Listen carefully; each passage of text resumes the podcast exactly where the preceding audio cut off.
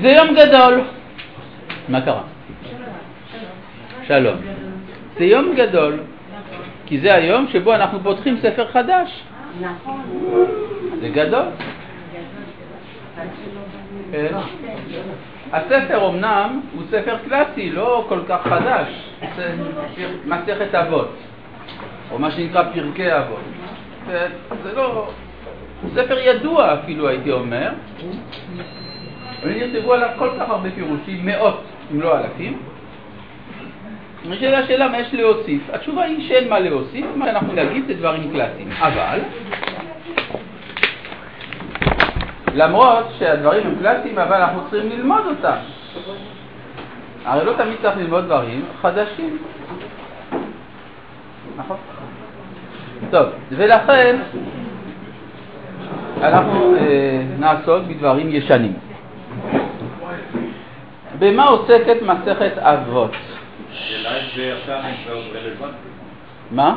אם זה ישן, אם זה ישן זה סימן שזה רלוונטי. אם זה הצליח להחזיק מעמד במשך אלפי שנים, אז זה כמו כל הקלאסיקות, שהקלאסיקות הן תמיד רלוונטיות. יש דברים חדשים שאחרי שנה אז לא תזכור אותם. למשל, האם אתה זוכר מה היה כתוב בעיתון ידיעות אחרונות ביום שני שעבר? נכון. גם אם קראת, אתה לא זוכר, נכון? ומן הסתם היו כתובים שם דברים לא נכונים, אבל זה בכלל לא משנה, כי הם נשכחו, נכון? לעומת זה, פרקי אבות, מעשרת אבות, זה לא נשכח, אז כנראה שכדאי ללמוד את זה. בסדר. במה עוסקת מסכת אבות, שאנחנו כל כך רוצים ללמוד אותה? בחיי היום-יום. היא עוסקת בחיי היום-יום? ממש לא. היא עוסקת בתורת המוסר. תורת המוסר, הכוונה הטוב והרע, במיוחד בתורת המידות של נפש האדם, המידות, אבל יש לציין שיש הבדל בין ספרי מוסר או אתיקה שנכתבו על ידי גויים לבין ספר מסכת אבות. בספרי האתיקה, למשל באתיקה אל ניקומקוס של אריסטו, יש הסבר שיטתי של תורת המידות, ואילו בפרקי אבות יש רק מסקנות. כלומר, היסוד התיאורטי שעליו בנויה מסכת אבות, הספר, היסוד התיאורטי הזה לא מבורר במסכת אבות, וזאת הסיבה שבגללה הרמב"ם ראה לנכון לכתוב ספר שמונה פרקים שלמדנו אותו במשך כשנה, שהוא הבסיס התיאורטי של מסכת אבות. עד כאן ברור. עכשיו שאנחנו כבר יודעים את כל התיאוריות, זה לא מסובך, אפשר פשוט לראות את המסקנות, זה מסכת אבות. זהו. עכשיו, יש מנהג ללמוד, או לקרוא, יותר נכון, את אה, הפרקים של מסכת אבות בשבתות שבין פסח לבין שבועות. זה המנהג של כל ישראל, אחינו האשכנזים ממשיכים עד ראש השנה. אבל כולם מסכימים מפסח עד שבועות, שקוראים פרק אחד בכל שבת, וזאת משום שזאת התקופה הנוחה בשנה. לא חם מדי, גם לא קר מדי. זה התקופה של המיצוע, התקופה הממוזגת, הממוצעת. מאחר וזו התקופה הממוצעת, אז זו גם תקופה שבה מתאים ללמוד על המידות, כי המידות, האידאל המוסרי של היהדות, הוא גם כן המיצוע, האמצע בין הערכים, ולכן ראוי האמצע לאמצע. זה דבר אחד. כמה שבתות יש בין פסח לשבועות? שבע. שבע שבתות. השבת הראשונה היא שבת חול המועד, אז לא קוראים בה פרקי אבות, זה עדיין בתוך החג, ונשאר כמה שבתות? שש. כמה פרקים יש במסכת אבות? חמישה. נכון? יש חמישה. יוצא שיש לנו חמש שבתות בשביל חמש הפרקים, והשבת השישית קוראים בה פרק שישי. שהוא לא חלק ממסכת אבות, הוא נוסף מאוחר יותר, והוא בעצם לא חלק מן המשנה, הוא בעצם ברייתא. זאת אומרת, משנה חיצונית.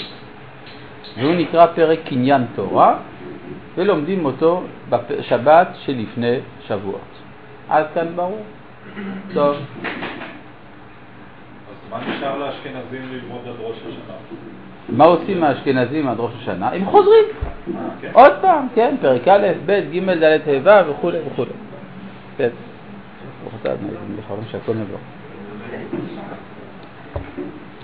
עכשיו, עוד נקודה טכנית.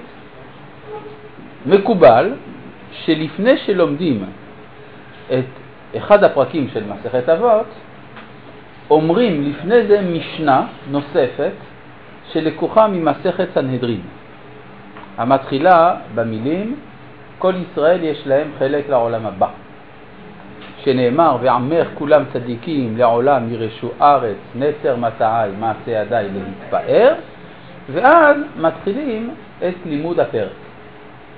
מסיימים את הפרק וקוראים משנה מתוך מסכת מכות, שאומרת, רבי חנניה בן עקשיא אומר, רצה הקדוש ברוך הוא לזכות את ישראל, לפיכך הרבה להם תורה ומצוות, שנאמר, השם חפץ למען צדקו יגדיל תורה וידיר. ככה עושים בכל השבתות שבהם לומדים את מסכת אבות. אז אם אני עושה עכשיו סיכום מעמיק של מה שאמרנו עד עכשיו, יוצא שכל פעם שלומדים פרק ממסכת אבות, קודם כל מתחילים בין כל ישראל יש להם חלק לעולם הבא, אחר כך קוראים את הפרק, אחר כך אומרים את המשנה של רבי חנניה בן הקשיא וכו'. בסדר? זה מורכב משלושה חלקים. כל ישראל יש להם חלק לעולם הבא, לומדים את הפרק ממסכת אבות, ואחרי זה המשנה של מסכת מכות, כל ישראל, אה, רבי חנניה בן הקשיא אומר. עד כאן ברור. נשאלת השאלה, מדוע? כלומר, מדוע עושים את הסדר הזה? אז אני רוצה קודם כל להתייחס ל-2-3. מדוע מתחילים מפרק? הפרק אמרנו עוסק במוסר, נכון? של מסכת אבות עוסק במוסר. במה עוסקת המשנה של רבי חנניה בן הקשיא? מה הנושא שלה? אני רוצה לחזור על המשנה. לא, על המשנה הזאת. המשנה של רבי חנניה בן הקשיא, רק אני מבקש שכאשר אני אגמור לקרוא את המשנה, אל תגידו קדיש, כי מקובל להגיד קדיש אחר כן. המשנה אומרת כך, רבי חנניה בן עקשיא אומר, רצה הקדוש ברוך הוא לזכות את ישראל. לפיכך הרבה להם תורה ומצוות, שנאמר, השם חפץ למען צדקו, יגדיל תורה וידיר. אז מהו הנושא של המשנה? ריבוי התורה. התורה, נכון? מה הנושא של הפרק? מוסר. דרך ארץ קדמה לתורה. כלומר, אז מה אני- קדם לדרך ארץ? מה? אז נשאר מה קדם לדרך- לדרך ארץ. רק רגע, תן לי לדבר על שתיים, שלוש. אנחנו עסוקים בענייני דרך ארץ, זה מספר שתיים, אחר כך אנחנו עסוקים בענייני תורה, זה מספר שלוש. זה העולם הזה מעולם הבא? אפשר להגיד אם אתה רוצה, כן? כלומר, כדי שהעולם הזה יתנהג כמו שצריך, צריך דרך ארץ, לכן נקרא ארץ, ואילו בשביל לזכות לחיי העולם הבא, אנחנו צריכים לדבר השם, לתורה. לכן יש סדר כזה, מוסר ואחר כך תורה. לפי העיקרון שדרך ארץ קדמה לתורה. עכשיו זה מובן? יוצא שמאיפה אני יודע מוסר? מאיפה אני יודע מוסר לפי זה? מאיפה לא קודם כל? לא מהתורה. כלומר, הטעות המצויה בציבור שהמוסר מקורו בתורה, זוהי טעות לפי התורה. מובן? מה דיברנו על זה הרבה? מה? התורה לא חושבת שהמוסר בא מן התורה. בסדר? אז לפחות התורה לא חושבת כך. בעשרת הדיברות יש שמות מוסר. אז מה?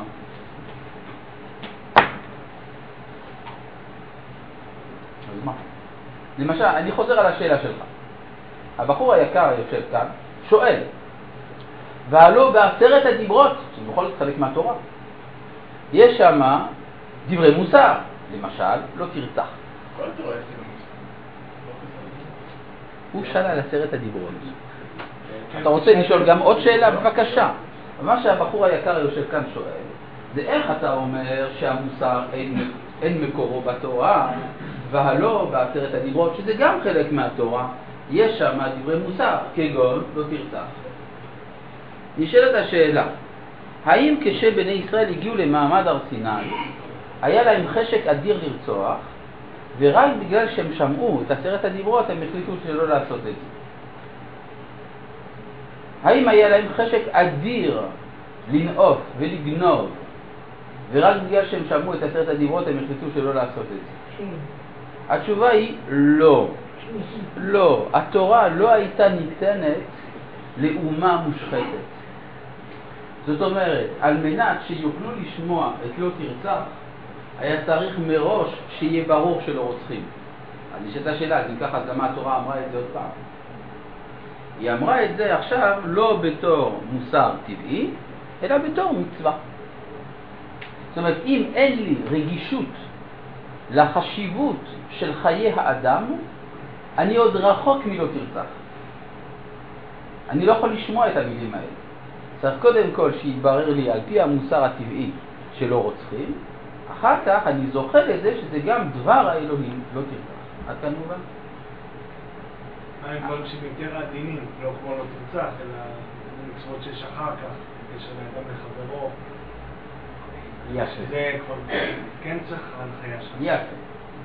אתה אומר דבר מאוד יפה, שהרי יש בתורה הרבה דברים שהם הרבה יותר עדינים, ואלמלא התורה לא הייתי יודע אותם. למשל, הלכות לשון הרע, הלכות ריבית, הלכות שמיטה, יש כל מיני דברים, פרטי פרטים של יחס בין אדם לחברו, שברור שאלמלא שזה כתוב בתורה לא הייתי יודע את זה. תשובה. כן, אבל אלמלא שאני מלכתחילה בעל נטייה מוסרית, אז אני יכול להשתמש בכל ההלכות האלה לרעה. אני אביא לך דוגמה פשוטה שהביא אותה בשביל המאה שמונה פרקים. לתאר לעצמנו אדם שאיננו חושב שזה רע לדבר דברים רעים על חברו, מה שנקרא לשון הרע. הוא לא מרגיש אבל שזה... הוא לא מרגיש שזה רע, אפילו טוב לו, זה, זה עוזר לו לעכל, וזה זה מאוד נחמד, ככה בשבת אחרי הצהריים, קצת מדברים לשון הרע, זה ככה פרח, כמו שאומרים, כן? הוא משחק שש בש וזה, ותוך כדי זה מספר על ההוא, מספר על ההיא, וזה זה מבסוט מהחיים. הוא לא מרגיש שזה רע. יום אחד אומרים לו, אתה יודע, יש הלכה שאסור לדבר לשון הרע. מה באמת? וואו, נפל עליי בלוק. באמת, באמת, אסור? כן, אסור. וואו, אז מה נעשה? טוב, תלמד הלכות לשון הרע. מדפדף, נכנס לדיכאון טוטאלי. אבל הוא אומר, אה, אבל אני רואה בין הסעיפים, יש סעיפים שכתוב בהם מתי מותר לדבר לשון הרע. ואז הוא הופך להיות המומחה העולמי לסעיפים המתירים לשון הרע. ואז הוא מבלה את ימיו בלשון הרע המותר. אני אביא לך דוגמה פשוטה. אין איסור לדבר לשון הרע על גוי. אין, אין איסור. אז אותו אדם אומר, וואי, איזה יופי, יצא לי קלף, אני אפתח עכשיו עיתון רכילויות בסין, עיירה, עיירה קטנה, רק 20 מיליון איש, כן? ויש לי עכשיו לדבר לשון הרע לכל החיים. זה הכיף הגדול שלו. עכשיו, הבעיה היא ככה, על ההלכה האיש הזה לא יעבור, אבל על המוסר ועל נקיות הנפש הוא יעבור, הוא יהיה אדם מושחת לפי הדין. זאת אומרת שאם אין הקדמה של דרך ארץ לתורה, אז הוא ישתמש בתורה לרעה. לא אני אומר את זה, התלמוד אומר את זה. שהתלמוד אומר על התורה, זכה נעשית לו סם חיים. לא זכה, נעשית לו סם מוות. מה זה זכה או לא זכה? על פי מה זכה? על על זכות המידות שלו. אם הוא זיכך את מידותיו, התורה היא חיובית. ואם לא, אז היא מוות. משל למה הדבר דומה? הרי חז"ל אמרו שהתורה דומה למים, נכון? מים זה מגדל, נכון? אתה שופך טיפת מים על זרע, הזרע נותן פרח. מה הוא ייתן אגב? מה שיש בו. מה שיש בו. אם זה גרעין של משהו חיובי, אז יצא משהו חיובי, למשל גזר, אפשר לעשות מזה סלט טוב, ואם זה יצא צמח, אה, נגיד פטריה רעילה, זה מה שיצא, נכון? זאת אומרת, זה העניין של זכה ולא זכה. כן, בבקשה. מה אה, המוטיבציה להגיד את זה? מי שאומר כן מגיע מהשם, מי שאומר שהמצווה, שה- שהמוסר כל כולו בתורה, זה מתוך פחד. זה מתוך פחד. כלומר, יש הרבה פחד פעמים... פחד מהחוץ. כלומר, אנשים זקוקים לכלובים. הכלוב הוא דבר מאוד מאוד מגן. אמנם זה צר, אבל הנמרים לא יכולים לפרוץ אותו. אז כיוון שאני מפחד מנמרים, אז אני מעדיף להיות בכלוב. כלומר, אני מפחד מהתמודדות עם החוץ, עם חופש המחשבה שזה מניח, ולכן אני מעדיף להגיד הכל בתורה. מישהו לקח עליי אחריות, נקודה. זה מזה בא, כן? יש לזה עוד כמה סיבות, למשל אה, זה ש... למשל, יש דבר נורא שלפעמים האנשים אומרים, אתה יודע למה אני אוהב את רעי? בגלל שהתורה אמרה, ואהבת לרעך. אבל אם התורה לא הייתה אומרת, אז הייתי שונא אותו, שנאת מוות, אבל התורה אמרה ואהבת. אז אני אוהב אותו. בסדר? יש בזה בעיה, יש לזה השחתה עמוקה מאוד. אגב, צריך לציין שהתורה דאגה שבמשך 13 שנה לגברים ו-12 שנה לנשים, האדם פטור מקיום מצוות. אז מה הוא עושה במשך כל השנים האלה? 13 שנה בלי מצוות, מה הוא עושה? לומד דרך ארץ. הוא לומד דרך ארץ, יפה, דרך ארץ, כזמן התורה גם בחיים הפרטיים. הוא לומד להיות חוצפן. לא, הוא חוצפן באופן טבעי והוא מקבל פליק ואז הוא מפסיק. כן? היום כבר אסור לתת שלי. זה נכון. לכן כל מה שאמרתי הוא תיאורטי בלבד. כן. טוב, אפשר להמשיך? הייתה פה איזו שאלה? אה, בבקשה, כן. דווקא יש אמירה שככל שיהיה טוב יותר גדול יותר, תורה יותר גדול. כ- ככל הגדול מחברו, יצרו גדול ממנו.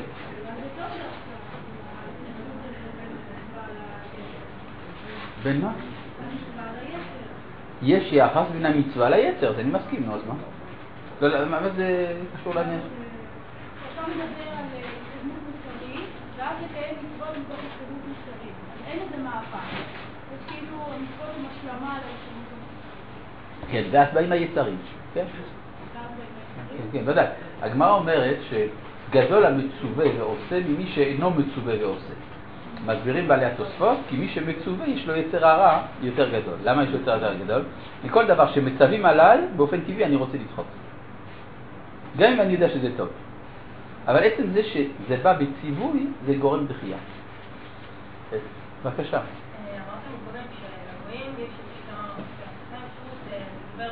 לשון, כן, אין איסור לדבר לשון הרע על גוי. מה? איפה זה מצוין? איפה זה מותר לנו?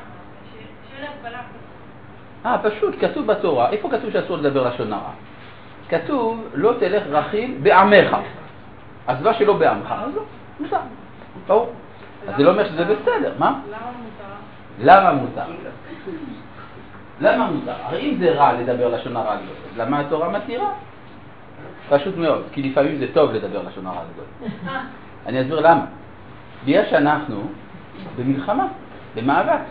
אז אם התורה הייתה אומרת להתייחס אל הדיבור על הגוי באותה חומרה שאני מתייחס אל היהודי, הייתי נכנס לסכנה. לכן צריך שתהיה אפשרות לדבר עליו לשון הרע. לא שזה דבר שצריך לרדוף אחריו, אבל צריך לדעת שלפעמים צריך לדבר עליו לשון הרע, שאם לא כן לא נוכל להתקדם. איך נחיה? בלי לדבר לשון הרע על גוי? כן. מה? הדרך ארץ הוא פריקה אבות, דרך ארץ של מספר אנושי. אז הדרך ארץ של פרקי אבות, יש בה תערובת. ואני אסביר, בפרקי האבות עצמם יש ביטוי, אם אין דרך ארץ אין תורה, אם אין תורה אין דרך ארץ. יש פה בעיה, ממה מתחילים? להתחיל מדרך ארץ, אבל אין, אם אין תורה אין דרך ארץ. אז אולי נתחיל מתורה, אבל אם אין דרך ארץ אין תורה. זה מעגל תמיד. אלא צריך לומר כך, אם אין דרך ארץ כלל אנושית, טבעית, אי אפשר להגיע לתורה. אם אין תורה, אין דרך ארץ של התורה. כלומר, התורה מוסיפה דרישות נוספות של דרך ארץ אחרי קבלת התורה. בסדר? אז יש משניהם אבות. כן, יש גם וגם. מה עם הפסקה, הפסקה הראשונה? אה, עכשיו אתה שואל שאלה יפה. עכשיו שהבנו שדרך ארץ קדמה לתורה, ולכן הפרק של פרקי אבות קודם לרבי חנניה בן הקשיא שזה עוסק בתורה. אז למה הפסקה הראשונה של כל ישראל יש חלק פרק הבא? כדי לקבל תעודת ביטוח. אנחנו רוצים ביטחון. אני הולך עכשיו למהלך מסובך, מהלך החיים בכלל. בחיים יש טוב ויש רע, אני עלול להיכשל. אז קודם כל אומרים לך, אל תדאג, כל ישראל יש, להם חלק עולם. דבר נוסף, ההתעסקות הזאת של דרך ארץ ושל תורה היא התעסקות פרטית. אני רוצה לדעת איך אני צריך להתנהג. מרוב שאני חושב על איך אני צריך להתנהג, אני שוכח את הכלל שממנו אני בא. לכן קודם כל מדברים איתי על הכלל, שאני לא אאבד את התודעה הקולקטיבית. מתוך כך יש מקום לפרטיות שלי. כך שניתן לומר שזה מדבר על הכלל וזה מדבר על הפרט. בסדר? זה הסיבה של ככה בנו. זה ההקדמה. כן. מי תיקן שככה אמורים לקרוא את זה? מי תיקן? אין לי שום מושג. זה מסורת עתיקה באומה, איך תדע מתי זה יקרה. זה בטוח התחיל אחרי כתיבת המשנה. זה בטוח. אבל מעבר לזה אני לא יכול להגיד. אפשר לחפש. עכשיו נשאלת השאלה, האם יש לכם חשק ללמוד את המשנה הראשונה? עסקנו בזה כבר כמה פעמים, אבל אולי כיוון שזה חלק מפרקי אבות, ראוי ללמוד את זה. לא.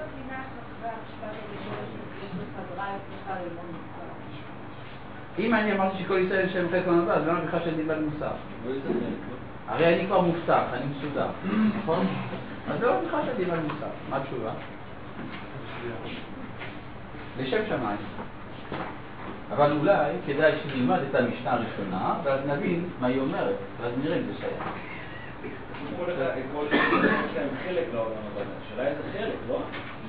אפשר גם את זה להגיד. המשנה במסכת סנהדרין, פרק עשירי, אומרת כך, אני קורא עכשיו את המשנה. כל ישראל יש להם חלק לעולם הבא. שנאמר, ועמך כולם צדיקים, לעולם ירשו ארץ, נצר מטעי, מעשה ידיי להתפאר. פסוק בישעיהו, פרק ס'. יודע? בישעיהו, פרק ס'.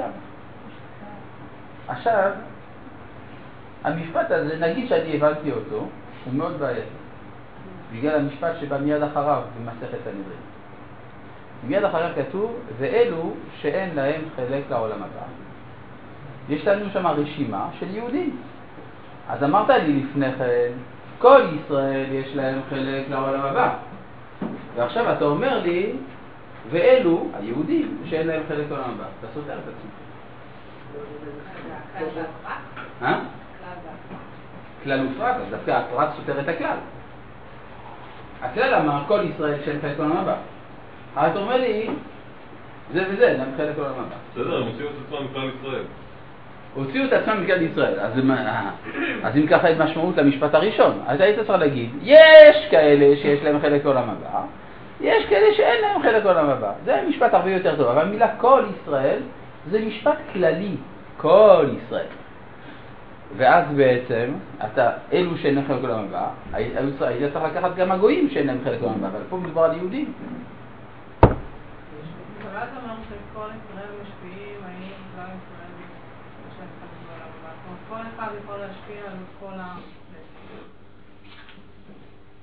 כל אלה שהוציאו את עצמם מכלל ישראל, לא הקימו מצוות וכולי, הם יכולים להשפיע גם על הצדיקים. זאת אומרת, יכולים לפגוע בסיכוי של כולם. אבל זה לא מה שכתוב. כתוב במשפט הראשון, כל ישראל יש להם חלק בעולם הבא. בהתחלה שנולדו, אז היה להם חלק. ואז הם איבדו. איבדו, כן. כלומר, אתה אומר ככה, כל ישראל יש להם חלק בעולם הבא, זה אופטימי. אם אתה מגזים, אפשר לאבד את זה. סליחה? אם אתה מגזים, אז אפשר לאבד את זה. כן? משהו כזה.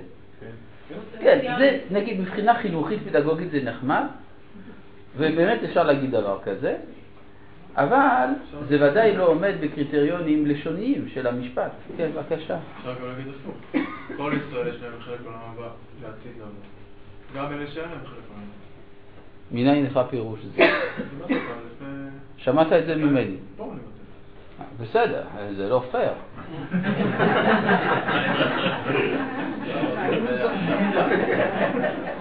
הוא לוקח את הפירושים שלי, אחר כך הוא אומר... זה- זה- לא התכוונתי להגיד מילה. זה כמו פינג פונג, נתת לו כדור והחזיר לך. כן. טוב, אז אני אסביר מה שהבחור היקר טל אומר. כל ישראל, יש להם חלק לעולם הבא. ובכלל זה, אלו שאין להם חלק לעולם הבא. זה לא ברור. מבחינה לשונית זה נקי לחלוטין, מה שאני אומר. לכולם יש חלק לעולם הבא, כולל אלה שאין להם. זה מה, זה מה שכתוב. כל ישראל יש להם חלק לעולם הבא, ואלו שאין להם חלק לעולם הבא. זה כמו שהרמב"ם אמר, אין פה שאלה. לא, לא, יש פה שאלה, אבל צריך להסביר. אבל קודם כל להבין מה המשפט אומר. המשפט אומר שכל ישראל יש להם חלק לעולם הבא, ובכלל זה גם אלה שאין להם חלק לעולם הבא.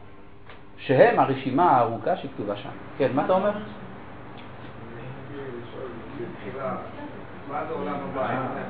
אני עוד לא יודע מה זה עולם הבא.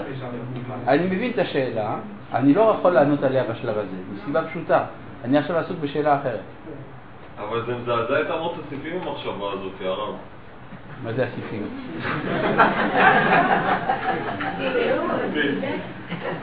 סיפים. הסיפ- אה, הסיפים.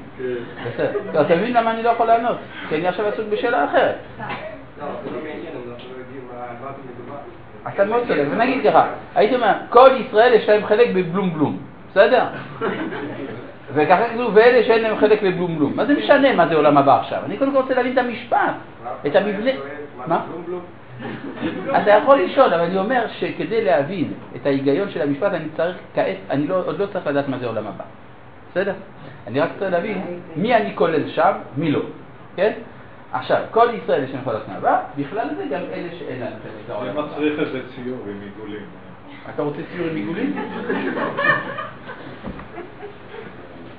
זאת קבוצה, זה אלו שאין להם חלק לעולם הבא.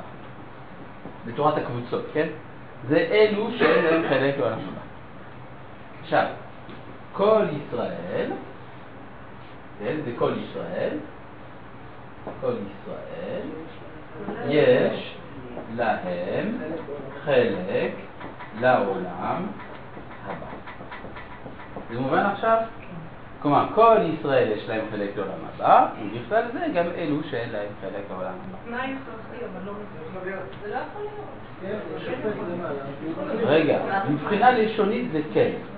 עכשיו אתם שואלים, אבל איך אפשר שמי שאין לו חלק לעולם הבא, יש לו חלק לעולם הבא? הכיצד? אז ניתן לומר מה שאת הצעת בהתחלה, שמצד שייכותו אל הכלל יש לו חלק, מצד פרטיותו אין לו חלק. אפשר להגיד.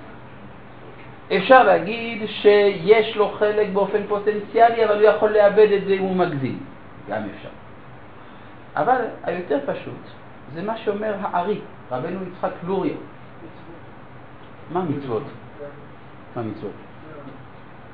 מה, אתה רוצה? זה כמו העניין של המילה, שגם מי שלא נאמר יהודי כשר? גם מי, ש... לא, מי, ש... מי שלא נימול הוא יהודי ולא כשר.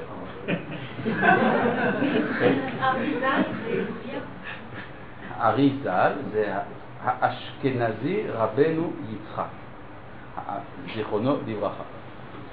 כן, הארי ז"ל. כן, אז הארי ז"ל, רבנו יצחק גוריה, בדרך כלל אלה שאומרים עליהם אשכנזים ספרדים. האם אתם מעוניינים שאני אגיד את מה שהארי אומר או לא? כן. אז אני מבקש שתינתן לי ההזדמנות, כן, ההזדמנות הטכנית פשוט. כן?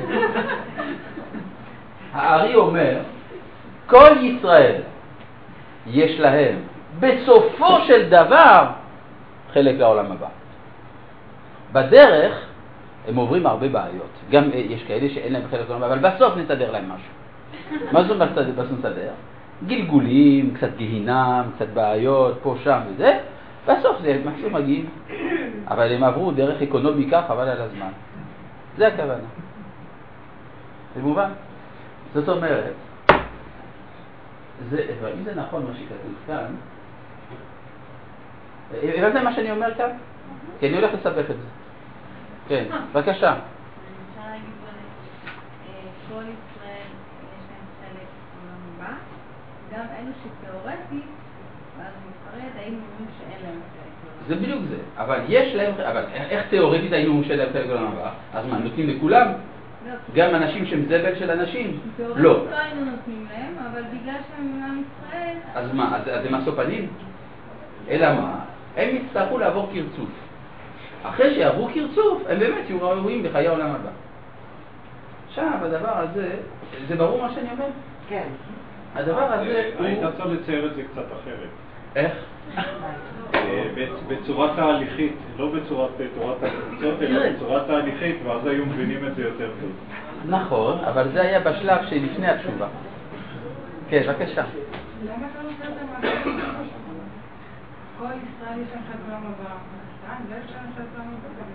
לא. אה, לא, מסיבה פשוט לא, לא, לא, כי אלה שאין לכם כל הבא כתוב עליהם כל, כל ישראל.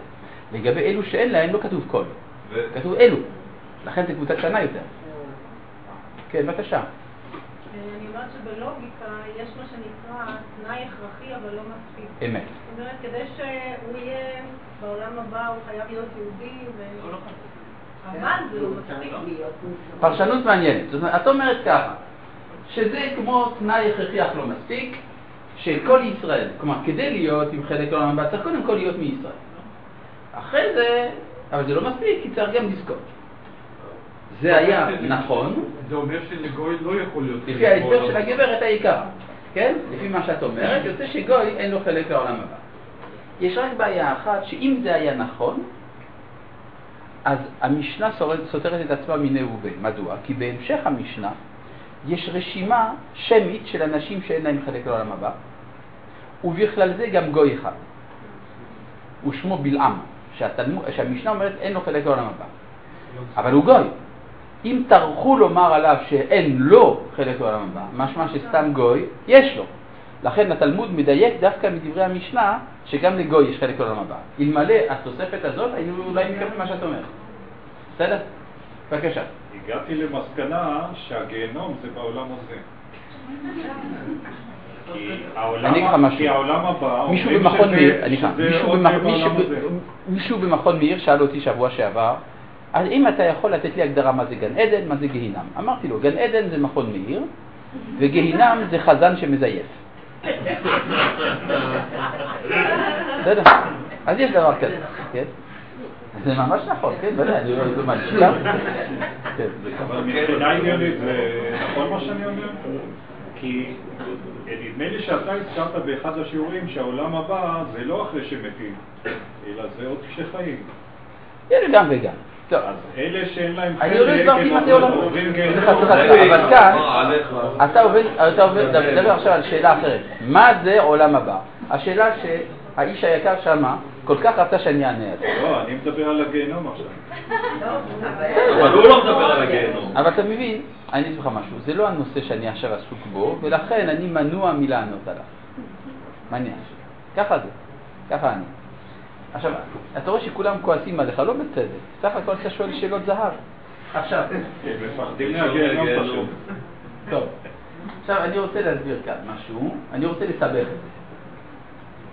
יוצא לפי זה, שאם אתה מישראל, יש לך תעודת ביטוח, שבטוח בסוף תגיע לחיי העולם הבא, אבל לך תדע מה תעבור בדרך. כלומר, במילים אחרות, אם אתה רוצה לצאת מהמשחק, לא נותנים לך. אתה לא יכול לצאת מהמשחק. מה אם אתה גוי? יש חלק לעולם הבא או לא? לפי מה שלמדנו עכשיו, יש. אם אתה לא רוצה, אתה יכול לצאת מהמשחק. יוצא לפי זה, שמה יותר כדאי להיות, יהודי או גוי? לפי זה גוי. כי אם אתה רוצה עולם הבא, תקבל. אתה לא רוצה, לא תקבל. מה זה עוזרים אותך בשקט. יוצא לעומת זה שאם אתה יהודי, בטוח שתקבל עולם הבא, אבל איזה מחיר אתה משלם? זה יותר מעניין. איך תדע? אבל על כל פנים, זה אומר דבר מאוד מעניין, שלהיות, רגע, לזה עץ, מתי אמרת שלגוי, באיזה משפט כי אם אומרים שכל ישראל יש להם חלק עולם הבא, משהו שמכל, לא מכל ישראל, אין לו הבטחה כזאת. אם אין לו הבטחה, סימן שהוא יכול לצאת מהמשחק. מי שלא רוצה, הוא יכול לצאת מהמשחק. כלומר, הוא יכול להיות רשע, מרושע, זבל של בן אדם, לא יהיה לו חלק לעולם הבא, מבסוט. בעצם עובד כמו את הבהמה, אם הוא רוצה.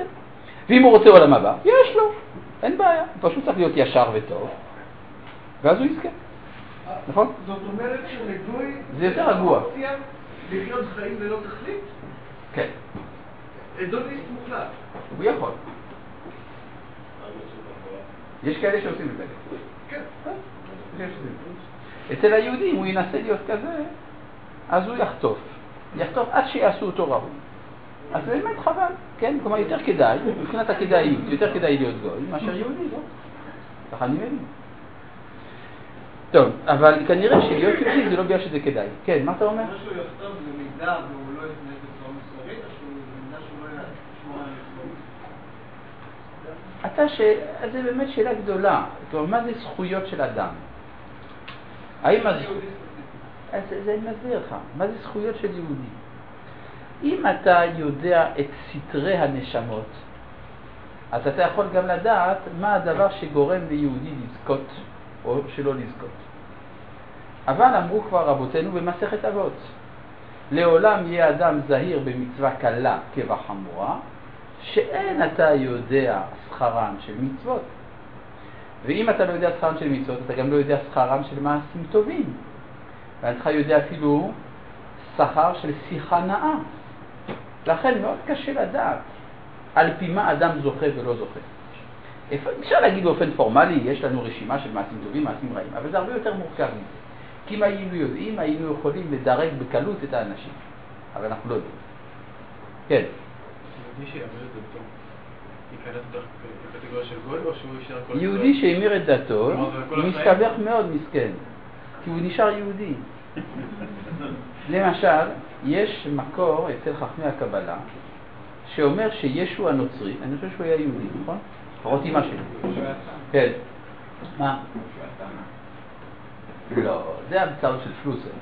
אבל, רגע, לא, אבל אה, ישו הנוצרי, אז אה, יש לנו מקורות שאומרים שזה ייקח 50 אלף שנה לתקן את נשמתו.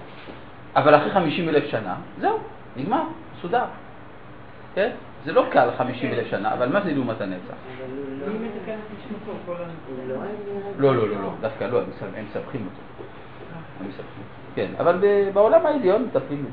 אבל אני רוצה להבין, אומרת שאתה אומר לגוי, אה, כמו שאתה אומר, הוא יכול אה, לא להיות בעולם הבא. אם הוא לא רוצה.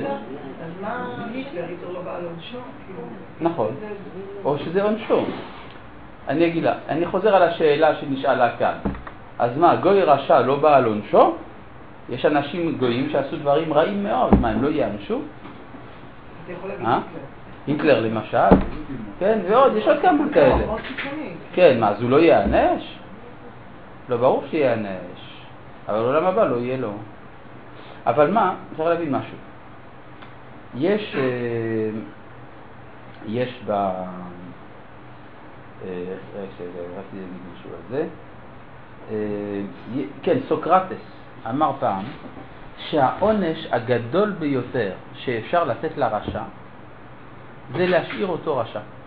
זה מה שבאתי להגיד, אתה נותן לו את האפשרות לתקן את עצמו. כן, זה הדבר הנורא ביותר שיש. ברור. אז זה שהקדוש ברוך הוא יש לו חשבונות, מן הסתם, עם היטלר וכדומה, מן הסתם.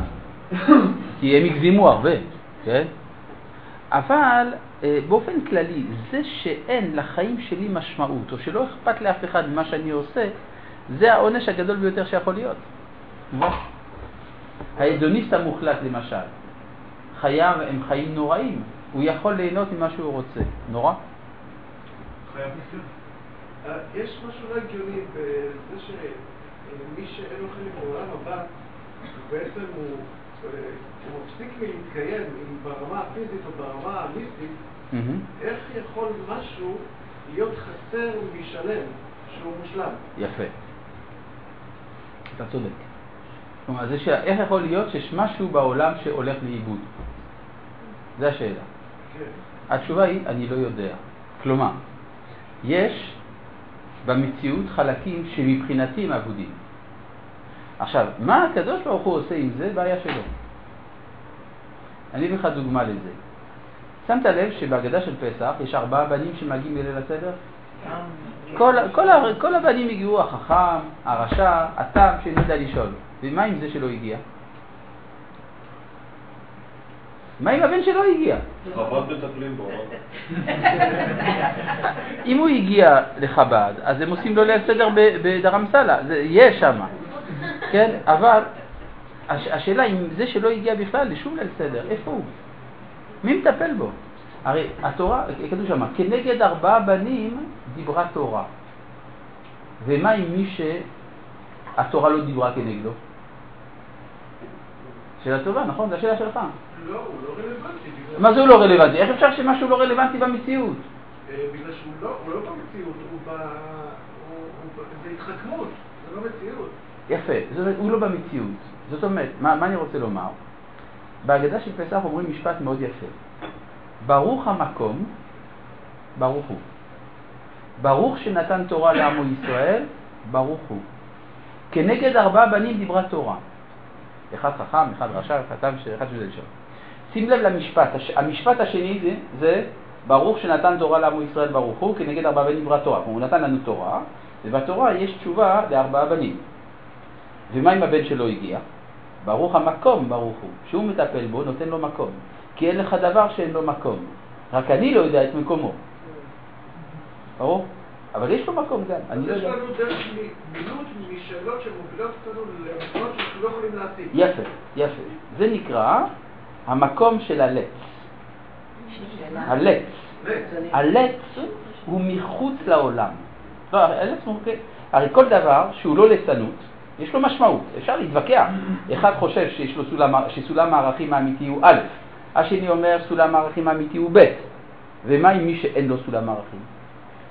הוא עלה. זה גם ערך מסוים. לא, מי שאין לו, אז אין לו. אתה לא יכול להתמודד עם זה. זה מחוץ לסדר של החיים. בסדר? טוב, אחרי כל הדברים העמוקים האלה, אז בואו נחזור אל המשנה. כל ישראל יש להם חלק לעולם הבא.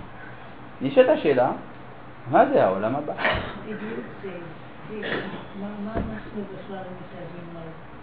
כן, מה זה העולם הבא?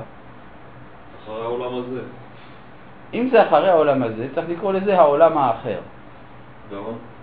כי יש העולם הזה ויש עולם אחר. לא. אותו עולם במתכונת... אה, זה אותו עולם, איך שהוא עתיד להיות. כלומר, כן. העולם הבא. אחרי ששת אלפים שנות היסטוריה. אני לא יודע, אתה, אתה רוצה להגביל אותי במספרים.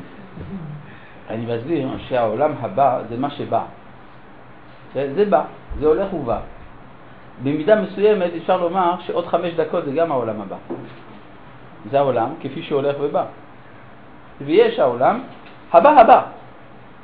כן? העולם הבא בא. ידעתי שאתה תגיד את זה. אבל זה, תשמע, אבל זה לא ברמה. אתה להגיד משהו ככה. טוב, בקיצור, העולם הבא מאוד, אל תיפגע.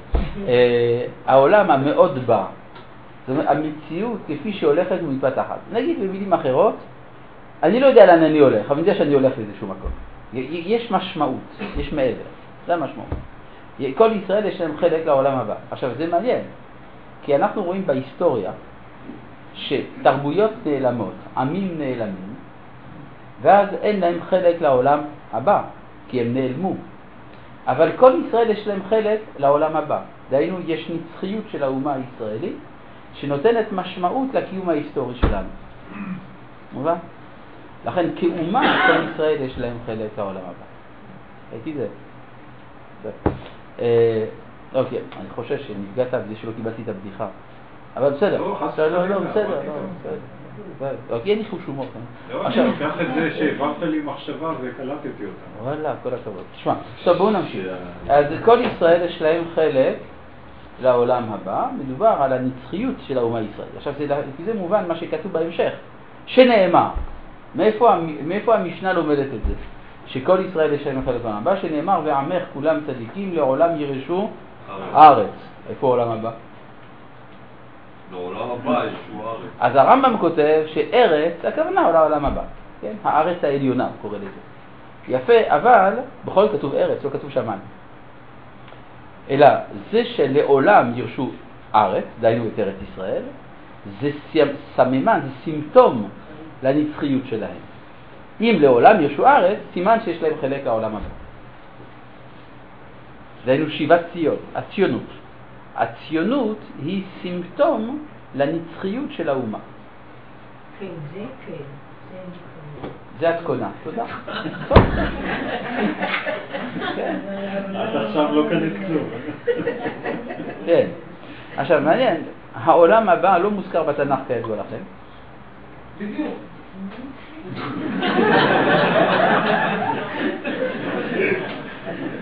זאת אומרת, לפני הגנוסטים, אה, היה מציאות של עולם הבא בחיים של האבות? מה זה קשור לגנוסטים? שהם הכניסו את הרעיונות האלו של העולם הבא. לא, אפלטון קדם לגנוסטים בהרבה. יקרא נא כבודו חידון, יראה שמה על הישארות הנפש. ואם כבר, הרבה לפני אפלטון, כבר אצל המצרים הקדמונים מדברים על הישארות הנפש. וגם בספר המתים הטיבטי, אז מה אתה מספר על זה? נכון, נכון. עכשיו, גם בעליון מתגבש, אלא מה? הטענה המטופשת של חוקרי המקרא, שאומרים שהעברים הקדמונים לא האמינו בהישארות הנפש, כי לא כתוב עולם הבא בתנ"ך, באמת היא טענה חלושה מאוד. אפשר בקריאה אובייקטיבית של התנ"ך לראות שזה לא כך, שבהחלט, אבל זה צריך בשביל זה ללמוד תנ"ך, כן, לראות שאבותינו הקדמונים אכן כן האמינו בהישארות הנפש. רק לא ראו לנכון לדבר על זה מכל מיני סיבות, אבל ודאי שהם האמינו. מה זה, אפילו הסיפור עם שאול והסיעה זה אחת הדוגמאות, כן, ודאי, כן, מה אתה אומר? מה הם האמינו?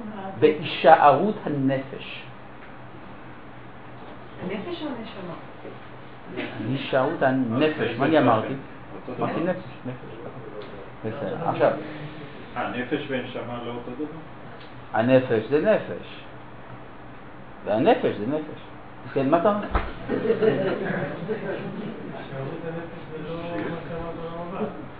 זהו, אז יש מה לדבר על זה, אבל כמובן, אבל מה שהשואל התכוון שם לשלול את הישארות הנפש לפני התקופה הגנוסטית, אז אני אמרתי זה לא נכון, זה הכל.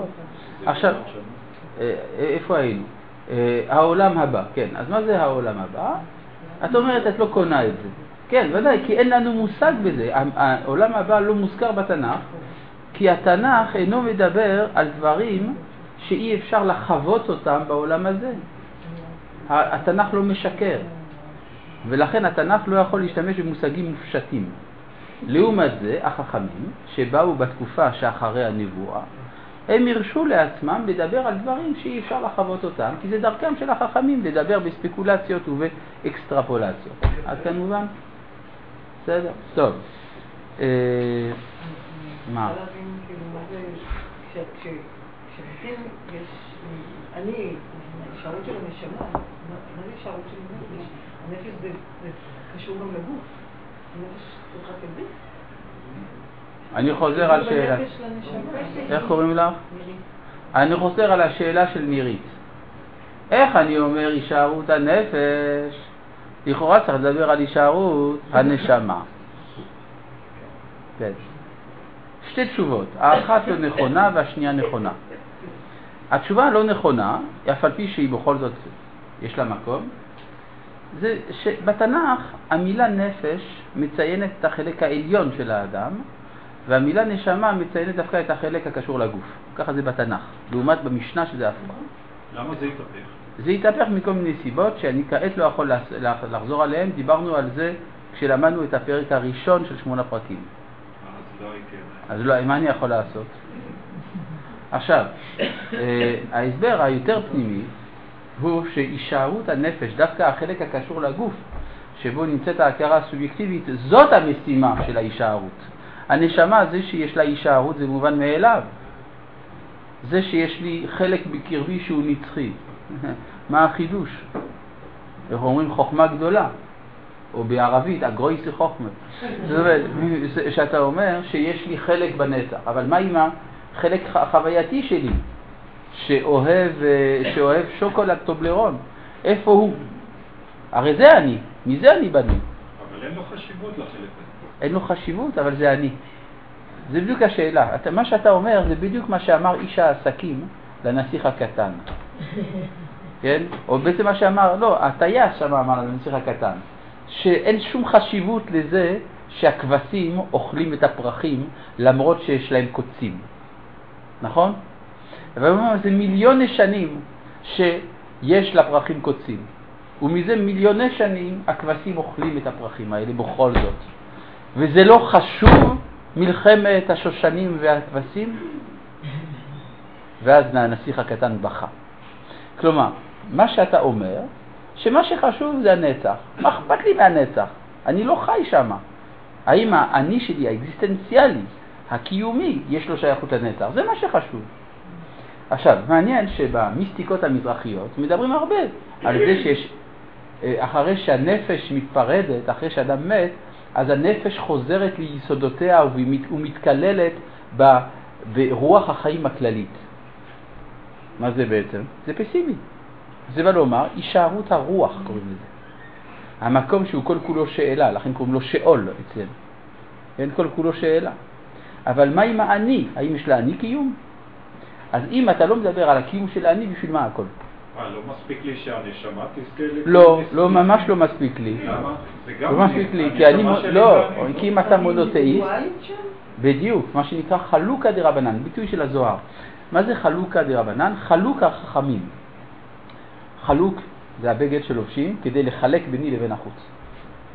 אף על פי שרוח החיים מתאחדת, עדיין יש מקום ליחידיות של כל אחד. כלומר, במובן הזה, האני הוא מאוד משמעותי, אני אותיות עין. זה חידוש. זה הרמב"ם אומר שלעולם הבא זה בגוף גשמי, נכון? לא, לא, לא, לא, לא, אל תערבב, אל תערבב, זה תחיית המתים, זה משהו אחר. אני מדבר על העולם הבא, שיש משמעות לאני, כי המונותאיזם המוחלט מוכרח לתת מקום לכל, כולל לפרט.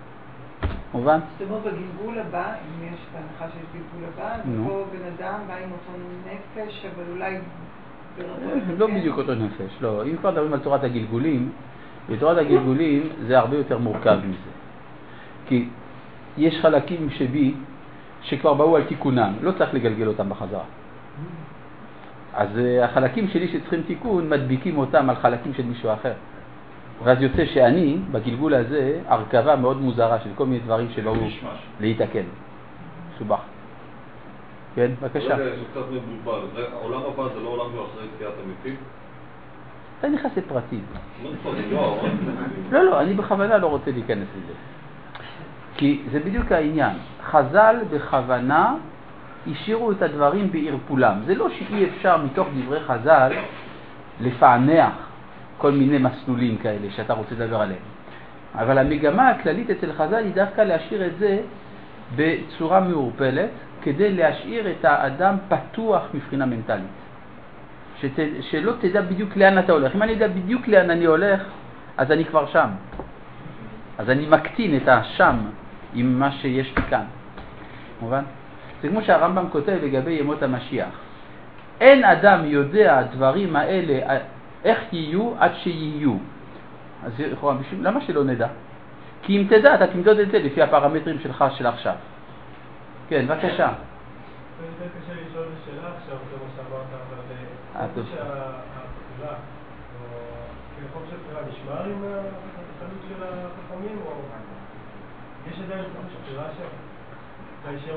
האם יש בחירה חופשית, אתה מתכוון? כן, כן, כן. האם יש בחירה חופשית אחרי המוות? מתחשק לי להגיד לך שלא. כי זאת התשובה הסטנדרטית. אז לא, אתה יודע מה לא, אין. האמת זה הרבה יותר מורכב מזה, אבל אפשר להגיד כך, כן? כן.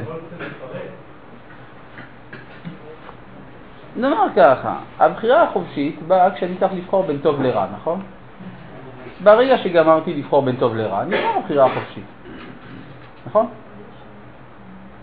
אבל זה חלק מהאישיות שלי. לכן, לכן אמרתי שזה יותר מורכב מזה. כן. כן, בבקשה. העולם הבא והבא. כן. סליחה, העולם הבא זה בעצם פרוזור לעולם הבא והבא. נכון. אז בעצם יש קבלת החלטות, כי אם... נכון. לכן אמרו חכמים, צדיקים אין להם מנוחה לא בעולם הזה ולא בעולם הבא, שנאמר ילכו מחי אל חי. עכשיו נשאלת השאלה, למה צדיקים אין להם מנוחה בעולם הבא? כי בזכות זה שלא הייתה להם מנוחה בעולם הזה, הם זוכים שאין להם מנוחה לעולם הבא. כי אם הייתה להם מנוחה לעולם הבא זה שעמום נצחי. מי יכול לסבול את זה? טוב, מה, מה, אז מה הם עושים? הם הולכים מחיל אל חיל. ואנחנו... אבל אתם רוצים פרטים, ואני לא רוצה לנדב פרטים. זה בכוונה. כן.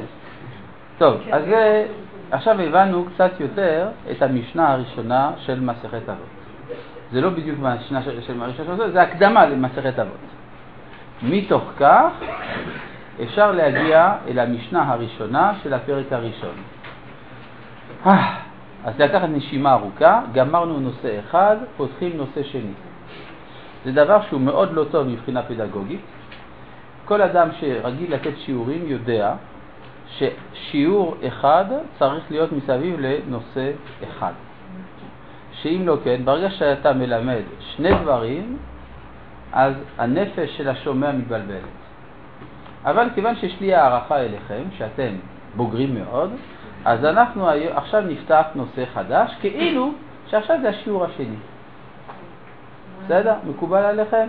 אז נתחיל את המשנה הראשונה. משה. אני קורא כאן בפרק הראשון, במשנה הראשונה. מה?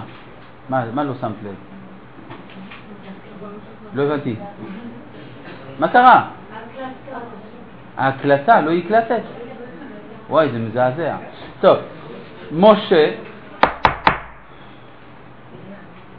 משה קיבל תורה מסיני ומסרה ליהושע, ויהושע לזקנים, וזקנים לנביאים, ונביאים מסרוה לאנשי כנסת הגדולה. גול.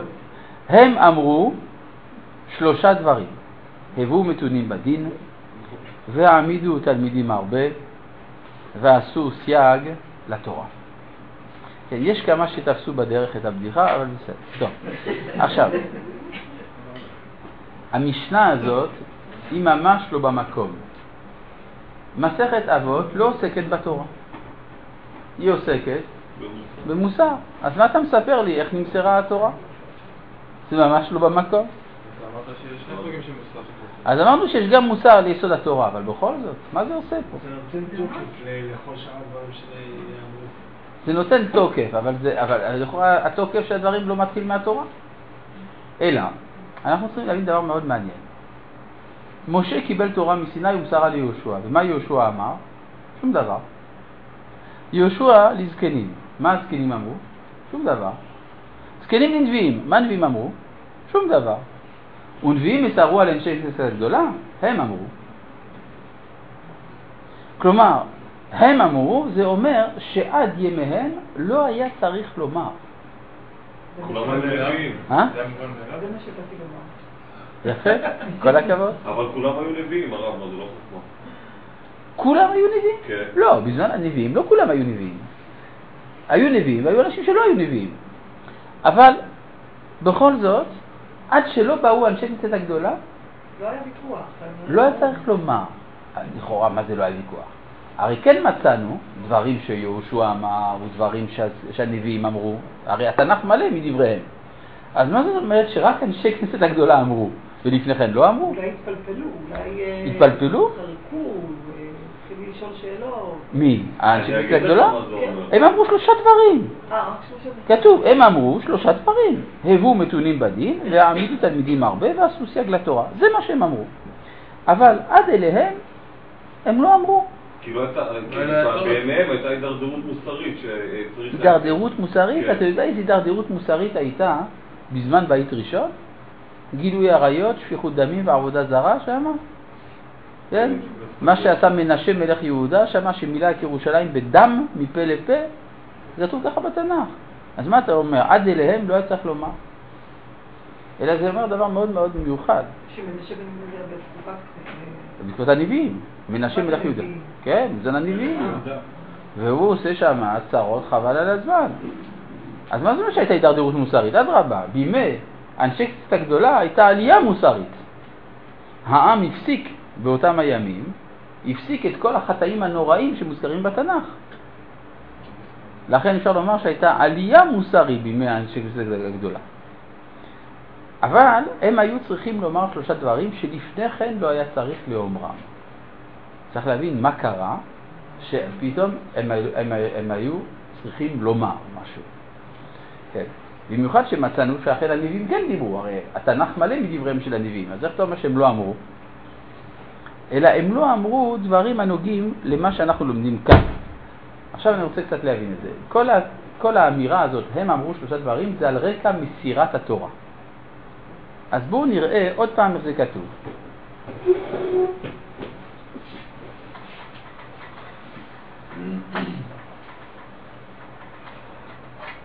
משה קיבל תורה מאיפה? אני לא מבין את זה, אני לא הייתי כותב דבר כזה בחיים שלי, הייתי כותב משה קיבל תורה מהקדוש ברוך הוא. אבל מסיני? זה כבר דבר מיוחד. הייתה כתוב בסיני, אבל מסיני? מי זה סיני שהוא מוסר את התורה למשה? כן? אולי זה אחד השמות של הקדוש ברוך הוא. זה לא סיני, זה סיני. אתה אומר שהתורה היא באה מסיני אחד. זה לא יכול להיות. אני אגיד לך למה זה גם לא נכון. מסיבה פשוטה, השם של מדינת סין היום זה מילה מודרנית. כלומר, בזמן חז"ל לא קראו לזה סין. איפה סין? בתנ"ך יש אחד סין, אבל זה מבנה הכנענים שם. כן? ואתה התכוונת לסיני ממדינת צ'יינה, מה שנקרא. מימי חז"ל לא קראו לזה סיני, סין, סין. אז לכן זה לא הפירוש שלך, למרות היצירתיות שלו, לא מתקבל. בסדר? אז משה קיבל תורה מסיני, אני עוד לא הבנתי למה זה כתוב. מה? טוב. ומסרה, אז זה משה מסר ליהושע. ליהושע לא כתוב מסר, נכון? טוב, זה ברור. ברור, כן? אני אברר אותך. זקנים. זקנים, מה ההמשך? אה, מעניין, לא כתוב מסר. אתה אומר זה ברור. כי חסר פה על... אז- רגע, ונביאים, מסרורה. למה כתוב מסרוע, אם זה מובן מאליו? ונביאים, כי נביאים זה- מסרוע, כי זה- נביאים זה רבים, ומשה ויהושע זה יחיד. ונביאים. לא משכנע. מה זה לא משכנע? כן, אנחנו רואים דבר מאוד מעניין, שבין יהושע לזקנים ונביאים יש איזה רצף, מנביאים לאנשי כנסת גדולה יש עוד פעם מסירה. כל פעם שיש מסירה, זה מורה שמשהו הלך לאיבוד בדרך. יש משהו שמתערבב. אנחנו תלמידיהם של אנשי כנסת הגדולה. יוצא שהתורה שאנחנו לומדים איננה הגרסה המקורית של התורה, אלא היא נגזרת של נגזרת. אנחנו לא לומדים את התורה כפי שמשה קיבל אותה, אנחנו אפילו לא לומדים אותה כמו שיהושע הזקנים ונביאים קיבלו אותה. אז לא- אתה לא צריך להגיד ניסה רוח. מה? אבל אם ככה, היה צריך להיות כתוב, יהושע קיבל ממשה. כמו שמשה קיבל מסיני, יהושע קיבל ממשה. וכאן לא כתוב קיבל. סימן שמשהו אחר התרחש כאן. והראיה שלגבי אנשי כנסת הגדולה בהמשך, המשנה אומרת שאנטיגנוס איש סוכו קיבל, ושמעון הצדיק קיבל וכולי. זאת אומרת, המושג של קבלה הולך וממשיך מכאן ואילך. זאת אומרת שבדיוק כמו שמשה קיבל מסיני, כך אנחנו קיבלנו מאנשי כנסת הגדולה. יש רצף. הביטוי מסרה זה שינוי בסגנון. השינוי בסגנון בא להורות שמשהו הלך לאיבוד. לא הייתה קבלה. מובן מה שאני אומר? ולכן אה, מוכרחים להבין כאן מה מתרחש. מה ההבדל בין תורת משה לתורת יהושע זקנים ונביאים ולתורת ההתקדמות הגדולה. אני רוצה אפילו לשאול שאלה נוספת. משה זה שם פרטי, נכון? יהושע שם פרטי. למה אתה לא אומר לי את שמותיהם של הזקנים והנביאים? היו הרבה. מה זה היו הרבה? אבל כל פעם יש אחד מרכזי. אנחנו מכירים את השמות של הנביאים. כלומר, זה לא תעלומה. לא צריך לעשות חפירות ארכיאולוגיות כדי לדעת מי היו הנביאים שהביאו. אז אם היו אז אם אם כך. היו מיליון נביאים, אז תרשום אה? את- אם היו מיליון נביאים, תרשום את כל המיליון. ואם היו, אבל גם בזמן התנאים היו מיליון אנשים שלמדו תורה, ואף על פי כן אתה מזכיר את החכם המרכזי של אותו דור.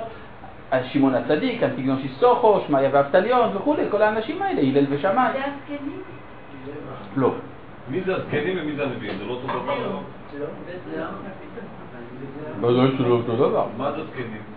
הזקנים זה עתניאל בן קנז, אהוד בן גרה, זה השופטים.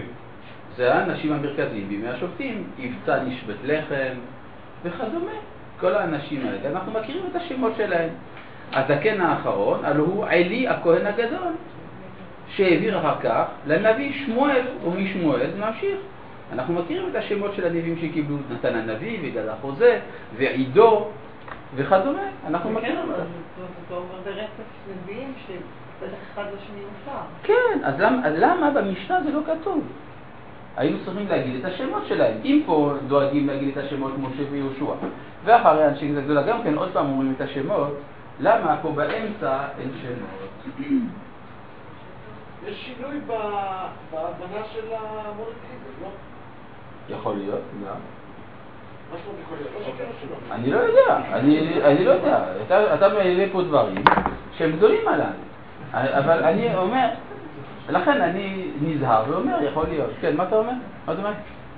יכול להיות שיש איזשהו שינוי, משה ויהושע מייצגים סוג אחר, זה לא זקנים. לא- ודאי, ודאי, ודאי. אז כנראה זה משפיע על תוכן התורה. אז לכן הוא מפריד אותם. לא, לא. נכון, נכון, נכון. זאת אומרת, מזה אנחנו מבינים שמשה ויהושע זה קטגוריה אחת, זקנים ונביאים זה קטגוריה אחרת, ומכאן ואילך קטגוריה שלישית. זה רוצה להגיד שמה שהלך לאיבוד עליו? בוודאי, זה בדיוק מה שאני אמרתי בערך שלוש פעמים. שמשהו הלך לאיבוד בדרך. בסדר? מה? או התחדש. כבר יש חידוש, אז זה האיבוד. כן, מה אתה אומר? משה- היה גם נביא וגם זקן. נכון. אז למה הוא לא נכלל בקטגוריה של הזקנים?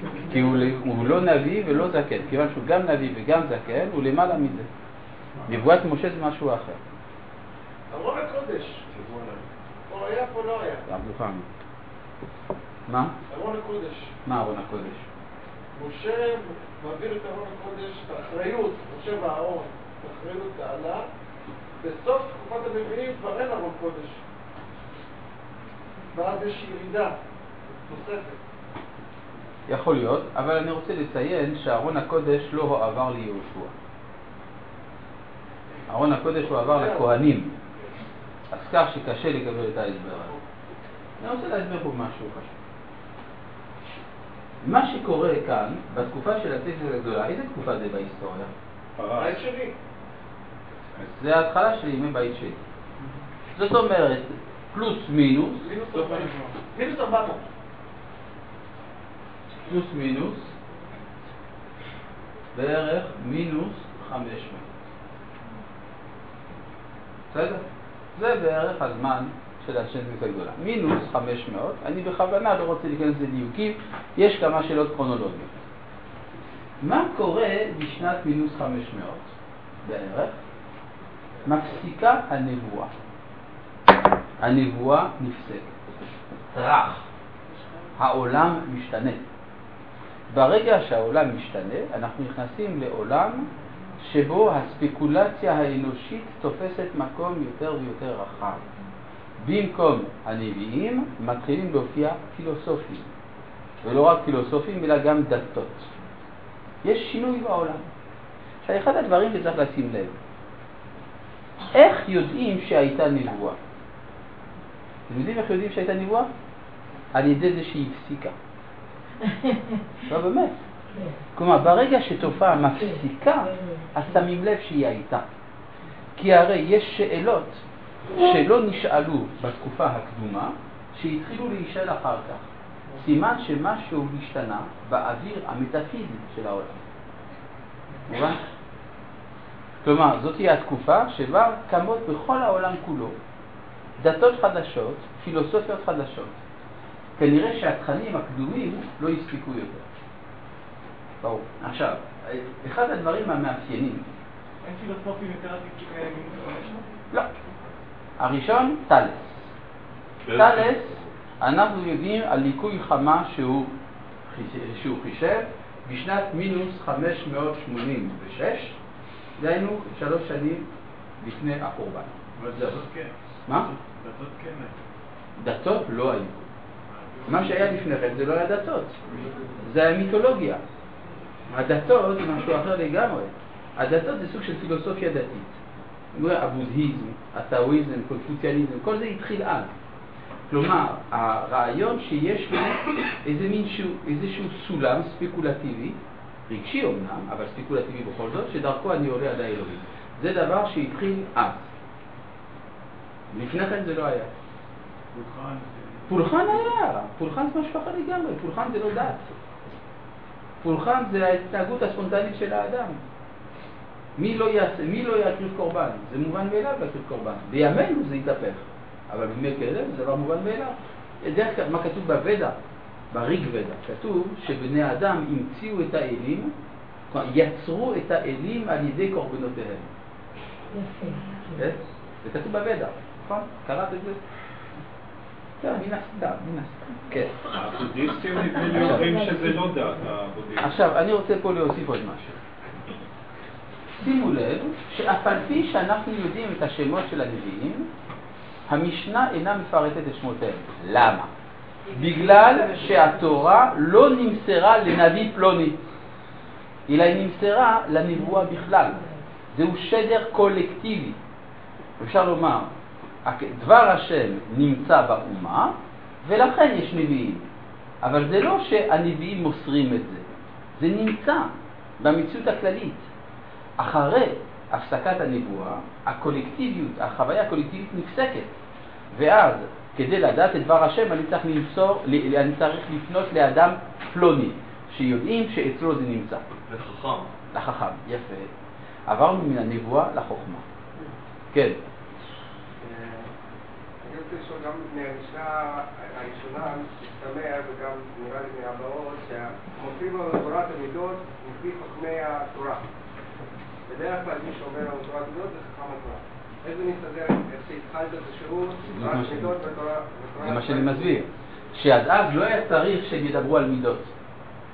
מכאן ואילך יש צורך לחכמי התורה לעסוק בתורת המידות, בגלל הריחוק. אבל נראה לי, לפחות משתמע במשנה הראשונה, שהזכות שלהם לדבר על המידות זה זה שהם, יש להם שרשרת של... ההפך. של, זה שהם קיבלו את התורה. למה לא התחילו באפלטו אומר, אלא דווקא לחכמי התורה? אם תורת המידות זה משהו כללי ואוניברסלי ולא שייך לתורה, למה דווקא חכמי התורה מדברים עליהם? כי אנחנו לומדים מחכמי התורה. ותלמידי אריסטו ילמדו מאריסטו. תלמידי אפלטון ילמדו מאפלטון. זאת אומרת, מצד באמת, אתה צודק. אלא שאצלנו הצורך, התיקון של המידות משמש למטרה אחרת מאשר אצל אפלטון ואריסטו. אני אסביר לי מה הכוונה.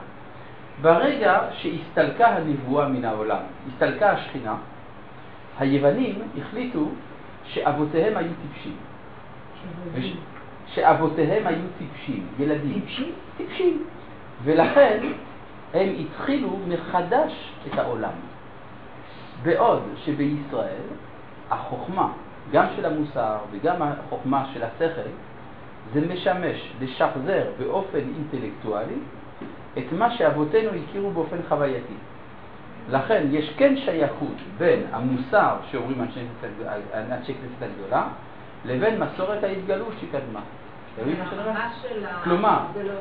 שאצל היהודים שים קשר בין העולם החדש לעולם הישן, בעוד שאצל היוונים העולם החדש הוא אפשרי על יסוד פסילת העולם הישן. יעל נא כבודו בספר טימאוס של אפלטון, שאומר את זה במפורש. מה הוא אומר שם? מה הוא אומר שם? אני אספר לך מה הוא אומר שם. אני רוצה לספר לך. קודם כל אתה יכול לקרוא, אני אקרא. אבל בוא נגיד לך בקצרה. הוא מספר שם דבר מעניין. הוא מספר על הביקור של סולון במצרים.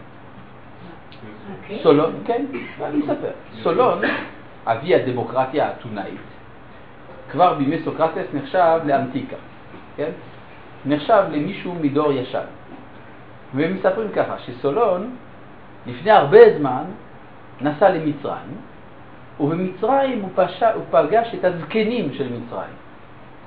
ואז בין זקני מצרים היה שם זקן יותר מכולם. שימו לב להדגשות, זה אפלטון שכותב את זה. ממש כמו של רבי נחמן. כן, זה קצת דומה לרב נחמן, מכאן שאפלטון היה ברסלבר, כן. עכשיו, אפלטון מספר, אבל שימו לב, זה היווני שכותב את זה, שם את זה, שימו לב. היווני מדבר על הזקן שבזקנים. ואז פתח הזקן המצרי את פיו ואמר, אתם, היוונים, ילדים. כן, זה מעניין, כלומר, זה, זה, כלומר, אבל מי כתב את זה? יווני כתב את זה. כלומר, היווני אומר, אני חש כילד בעולם של זקנים, וכל החוכמה שלי מתחילה מחדש. ברור? כן, בבקשה. בין יהושע לנביאים, מה הייתה ירידת הדורות? בין יהושע לנביאים, לדעתי, לא לא הייתה ירידת דורות. המושג ירידת הדורות נמצא שם. כן, זה, יש מפלסים, אה, נכון? מה שזה אומר. עכשיו אנחנו צריכים להבין מה זה משה, מה זה מסיני, מה זה משה ויהושע. כל זה דברים חשובים, אבל מכיוון שהגיע המבזק, אנחנו נעסוק בזה בפעם הבאה. מי היה הנביא האחרון ומי היה איש הכנסת הגדולה הראשון שהעבירו אחד לשני? נעסוק בזה בפעם הבאה.